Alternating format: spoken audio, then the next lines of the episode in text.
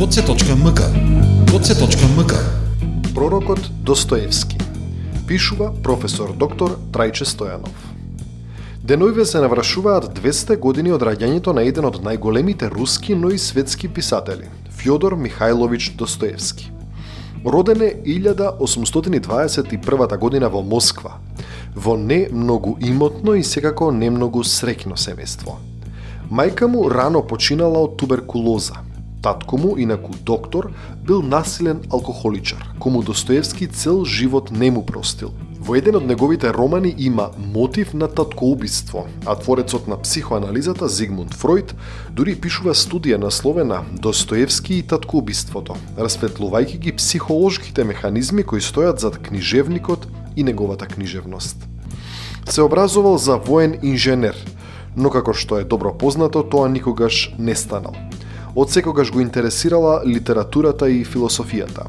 Во неговата лична библиотека се пронајдени книги на Балзак, Русо, Кант и разна друга литература.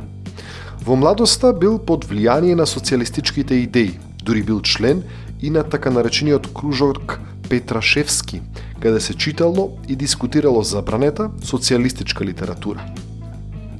Тоа придонело во 1849 година да биде уапсен и заедно со другите членови од кружокот да биде осуден на смрт. Казната била преиначена во робја, но оваа промена не им била соопштена на затворениците непосредно пред наводното стрелање. Така што Достоевски веќе бил нареден до зид пред стрелачкиот вод, гледајќи и на смртта в лице. Во тој момент е соопштено дека казната се пременува во затворска. Така, во 1850 година Достоевски е испратен на Сибир, каде останува се до 1854 година, а потоа и 5 години како војник на Семиплатинск, Казахстан. Од 1860 година пристигнува во Санкт Петерсбург, кој во тоа време бил главен град на царска Русија. Патувал низ Европа, најчесто бегајки заради долговите направени од неговата коцкарска страст – така убаво опишана во романот Коцкар. Првиот роман Бедни луѓе е социјален роман, каде се забележува влијанието на социјалистичките идеи и реализмот, но тоа е и единствениот ваков роман на Достоевски. Веќе вториот двојник, а особено останатите се до последниот браќа Карамазови, се вистинскиот Достоевски.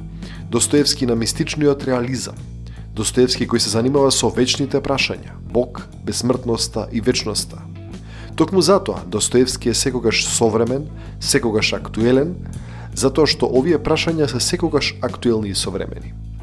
Неговите романи понекогаш прозвучуваат толку пророчки за судбината на човекот и човештвото, што е крајно зачудувачки. Неговите зборови за социализмот предвидувањата како тој ќе заврши, неговиот поглед на човекот во современото општество како отуген и несреќен, звучат толку современо и свежо, што е просто неверојатно дека се напишани пред два века.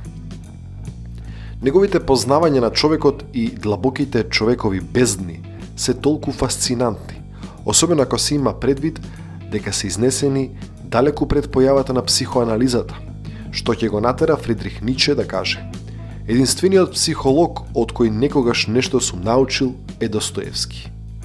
Но не само Ниче, сите ние можеме постојано да учиме од големиот Достоевски. И покрај сета слава што ја ужива денес, Достоевски умира така како што цел живот живее. Сиромашно, бедно и скромно. Умира на 9 февруари 1881 година во Санкт Петербург.